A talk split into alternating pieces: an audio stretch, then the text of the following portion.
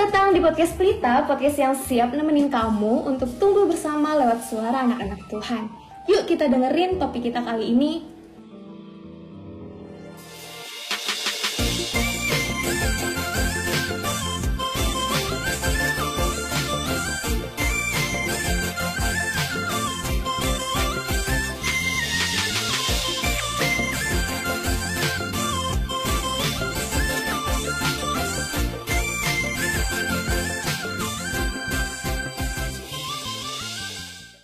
Shalom guys people, selamat datang kembali di Pelita Podcast Spiritual World UPH.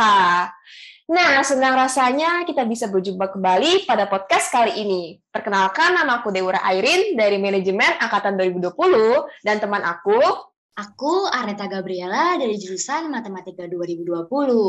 Nah, kami berdua yang akan menjadi host pada podcast kali ini.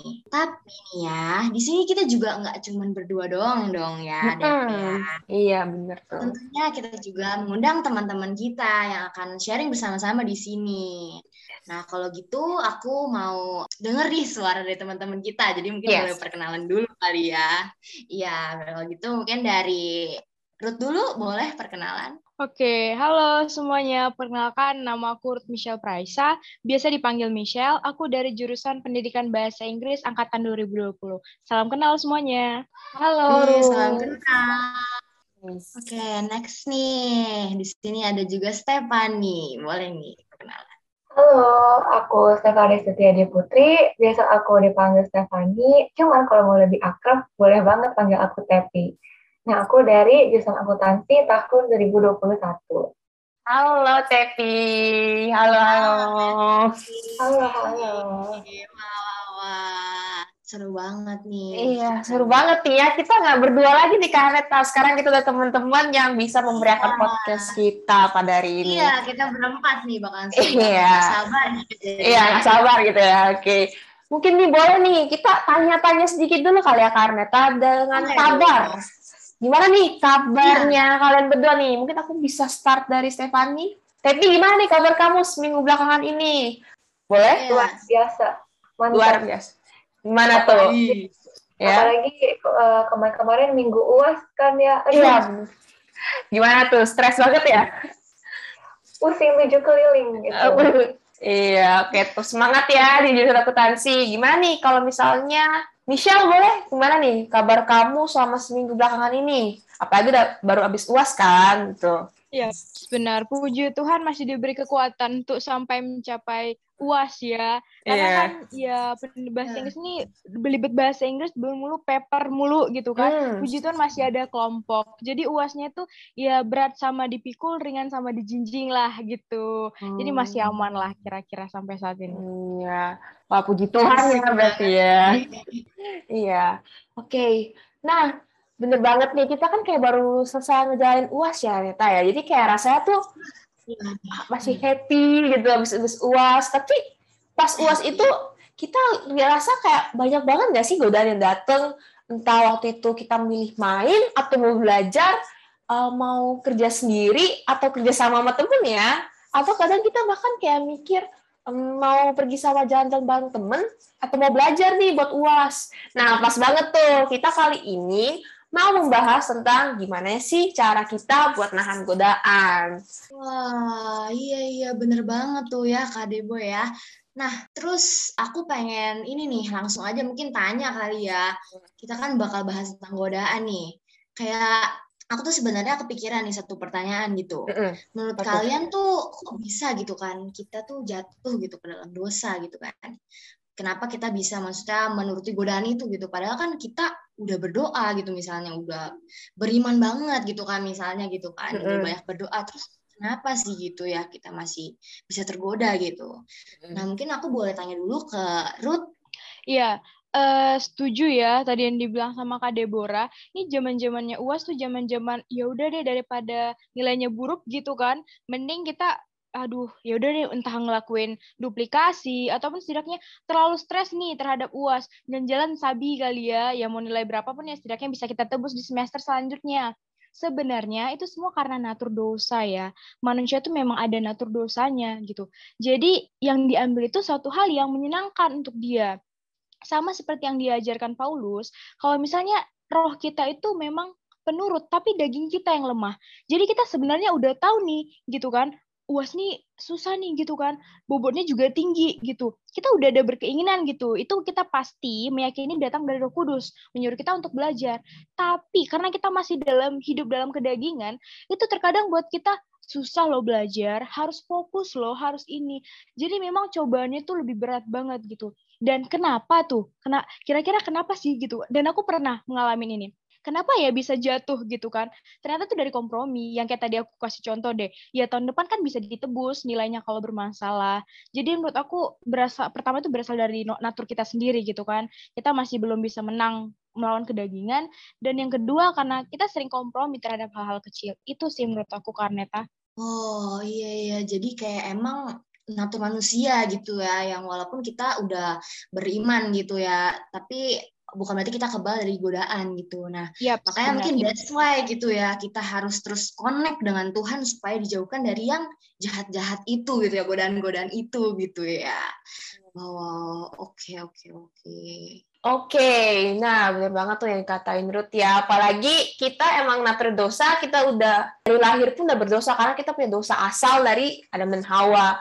Nah, aku juga pengen nanya nih, ya sekarang aku pengen nanya ke Stefani kali ya Kira-kira nih menurut kamu kapan sih kita tuh kayak makin susah gitu nolak godaan yang datang gitu dalam kehidupan kita. Menurut kamu gimana tuh Stefani? Oh, aku paling susah nahan godaan tuh kalau misalkan kita udah jarang doa, jarang saat teduh, jarang ibadah, terus lagi main sama teman-teman. Udah itu bener-bener susah banget nahan godaannya. Apalagi kalau misalkan kita uh, sangkut pautin sama pas lagi minggu uas wah udah itu jackpot banget itu pasti. Uh, apa ya kayak misal kita kumpul sama temen pasti kayak semua yang kita lakuin tuh nggak ada salahnya gitu. Padahal di mata Tuhan tuh salah banget. Gitu sih kalau aku bener banget sih ketika kita punya hubungan yang udah mulai renggang atau jauh dari Tuhan itu kita kayak nggak aware gitu nggak sadar kalau misalnya bisa aja teman-teman yang kita lakuin itu justru yang bertentangan sama Tuhan. Tapi karena kita udah jauh dari Tuhan dan kita lebih deket lah istilahnya dengan perbuatan-perbuatan duniawi justru yang buat kita kayak hmm, sepertinya ini benar gitu nggak salah gitu. Nah itu kenapa penting banget kita harus mendekatkan diri kita kepada Tuhan membangun hubungan yang baik juga dengan Tuhan agar kita bisa punya hikmat dalam memilih perbuatan kita mana yang baik dan mana yang jahat. Oke, okay, thank you banget nih Stefani untuk sharing-sharingnya. Nah, sekarang aku pengen nanya nih, gimana kalau dari Michelle, kira-kira menurut kamu kapan sih ketika kamu merasa tuh kamu susah gitu nolak godaan yang datang ke kehidupan kamu gitu? Gimana nih menurut kamu? Oke, itu sebenarnya pertama kali nih ya, Kak Deborah ya. Hmm? Uh, itu kita punya waktu tersendiri gitu loh. Kita memang ya secara tidak langsung membuat diri atau membiarkan diri untuk dicobai gitu. Contohnya nih Kanet, aku pernah uh, dalam satu posisi contohnya gitu kan, uh, di sore hari ini udah senggang gitu kan. Sebenarnya banyak uas seperti itu. Tapi karena satu contoh tidak ada manajemen diri, tidak ada manajemen waktu, ya udah kita membiarkan diri itu ada waktu senggang. Di situ pasti yang mendominasi keinginan untuk tidak belajar gitu. Jadi menurutku selain kita membiarkan diri untuk dicobai, dan yang kedua itu ada ketidakpekaan gitu biasa kan kita juga dibantu untuk melakukan hal baik, untuk melakukan pekerja baik, pekerjaan yang baik, itu kan dari Roh Kudus gitu kan. Nah, sebenarnya udah ada nih gitu kan Kak Deborah. Udah kita juga karena mungkin sudah belajar dari pemahaman firman Tuhan tapi tidak peka kalau misalnya disuruh lebih lagi gitu kan. Karena untuk dikatakan menang atau dikatakan bisa melawan godaan berarti kita bukan hanya bilang tidak tapi harus keluar dari situ gitu kan. Harus bisa berkata tidak lalu cari yang lain cari pengalihan seperti itu. Nah, mungkin dari situ kita bisa belajar kalau misalnya kita tuh mudah digodai karena kita nggak peka. Seperti itu sih, Kak Debra. Oke, thank you banget nih Michelle. Jadi yang pertama karena kita sudah tuh kayak mencoba diri kita sendiri gitu ya. Dan yang kedua karena kita nggak peka gitu. Justru karena kita nggak peka, makanya itu godaan tuh datang bagi kita gitu ya. Oke, thank you banget nih Michelle untuk sharingnya. Wah, wah, wah, iya, iya, iya. yang aku dapat juga ini sih. Jadi kalau aku lihat tuh ya godaan tuh berarti makin banyak di tengah musiman sulit gitu ya. Jadi kayak ada muncul godaan-godaan dan juga mungkin pengaruh dari lingkungan juga bisa gitu ya kayak merasa nggak apa-apa gitu ya kalau misalnya berdosa dan karena nggak sadar itu tadi ya. Oh iya iya iya. Nah, terus aku juga ini nih uh, penasaran nih, terus gimana sih cara kalian gitu untuk melawan godaan-godaan yang datang tersebut? Mungkin aku boleh tanya dulu dari Tepi. Kalau aku pastinya dengan selalu diinget, diingetin ya sama orang-orang terdekat aku, mulai dari keluarga aku, sahabat aku, bahkan pembimbing-pembimbing di gereja aku gitu. Aku bersyukur sih punya mereka yang selalu ingetin aku. Karena itu juga salah satu cara dari Tuhan biar aku tuh tetap ikut sama kehendaknya dia, tetap uh, bisa nahan godaan. Jadi uh, dengan itu semua terjadi, kan aku bisa nahan, aku nggak langsung kemakan godaan gitu apalagi kalau udah diajak temen aku bisa gitu buat nolak mereka. Jadi jangan lupa buat tetap berdoa juga sih diri sendiri minta pertolongan Tuhan. Dan jangan lupa rajin salat teduh dan rajin ibadah Wah, iya iya aku setuju banget sih. Jadi kalau yang tadi pertama tuh berarti faktor lingkungan juga yang maksudnya lingkungan yang baik juga akan mengarahkan kita kepada yang baik gitu ya ketika kita mulai digoda gitu. Tapi karena ada orang-orang yang mengingatkan begitu ya, jadi kita oh, ingat lagi, sadar lagi gitu. Jadi perlu juga ya orang-orang di sekitar kita yang harus menyadarkan kita ketika kita mungkin lagi nggak sadar gitu ya. Dan yang kedua itu tadi juga menjalin hubungan yang erat dengan Tuhan itu sendiri gitu ya pribadi yang pastinya uh, bisa menguatkan kita selalu ya untuk melawan godaan-godaan gitu ya. Oke, nah mungkin kalau misalnya dari Michelle? Oh, Oke, okay. ini aku bisa sekalian kasih tips and trick nggak nih Karneta? Wah, ini boleh mungkin... banget. Oke, okay. jadi sebenarnya cara kita uh, untuk bisa ngelawan ya kita kenali dulu nih apa yang sering menggoda kita gitu kan jadi mungkin step pertamanya kenali dulu diri ini sering lemah sering jatuh sering digoda di bagian mana-mana aja gitu. Dan yang kedua, seperti yang tadi uh, bilang kayak minta pertolongan Tuhan, minta bantuan teman, itu di step kedua. Karena kita tahu saat kita sendiri itu kekuatannya tidak sebanding saat kita bersama teman, apalagi bersama Tuhan gitu. Jadi setelah kita mengenali, kita dicobai di mana, digoda di mana, kita minta bantuan Tuhan untuk bisa memberikan kekuatan. Karena ya kita seperti yang tadi aku udah sempat mention gitu kan, kita memang punya keinginan untuk tidak digoda gitu. Tapi tetap aja daging ini kayak lebih enak digoda tahu lebih enak main-main sama teman lebih enak malam minggu gitu kan dibanding belajar harus fokus nggak boleh ngeliatin yang seru-seru gitu kan Nah, jadi menurut aku setelah kita udah minta bantuan sama Tuhan, ya kita juga berkomitmen gitu. Sibukkan diri gitu dengan misalnya hal-hal yang sering membuat kita tergoda gitu. Misalnya bermain gitu kan, ya udah sibukkan diri cari sesuatu yang yang lebih yang lebih bermanfaat gitu. Karena kita memikirkan satu konsekuensi yang ke depan, bukan hanya yang sekarang. Tapi tetap lagi kita harus ada satu apresiasi diri gitu. Jadi walaupun kita udah berhasil untuk nggak digoda, walaupun nanti ya pada akhirnya jatuh lagi, tapi kita setidaknya berubah dari kita yang dahulu. Gitu aja sih Karneta. Wah, wah, wah, keren banget sih ya. Berarti tips and triknya nih ya, kalau misalnya aku tadi yang aku bisa ringkas gitu ya, berarti pertama itu kenali diri dulu nih ya. Jadi dari ketika kita tahu kita bakal jatuh di mana, kita harus segera jangan sampai kompromi gitu ya. Terus yang kedua itu juga Iya, tentunya harus minta pertolongan Tuhan dan juga bantuan temen juga nih, sama seperti yang tadi bilang Tepi juga ya, dan juga yang hmm sendiri. Wah, wah, wah. Iya. Nah, tapi karena aku kayak masih penasaran nih. Dari tadi kan Ruth bilang melawan godaan tuh kayak sulit banget ya, apalagi tahu kalau kita lemah gitu ya. Nah, tapi gimana iya. nih jika teman atau sahabat atau orang terdekat kita tuh justru yang menawarkan godaan tersebut? Mungkin dari Stefani, kira-kira gimana nih? Oke, berat juga ya kalau misalkan benar-benar orang terdekat yang menawarkan godaan itu apa ya kalau misalnya keluarga sendiri. Iya. itu kita harus ingat moto untuk menolak narkoba guys.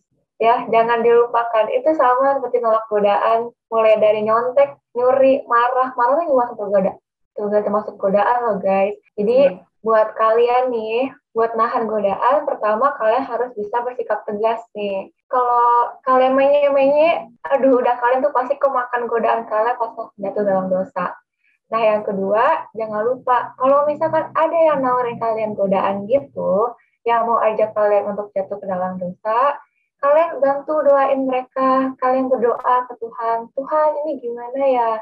Uh, Tuhan tolong aku dong gitu. Jangan lupa juga semua godaan yang kita dapat itu bisa kita pakai untuk menguatkan iman kita.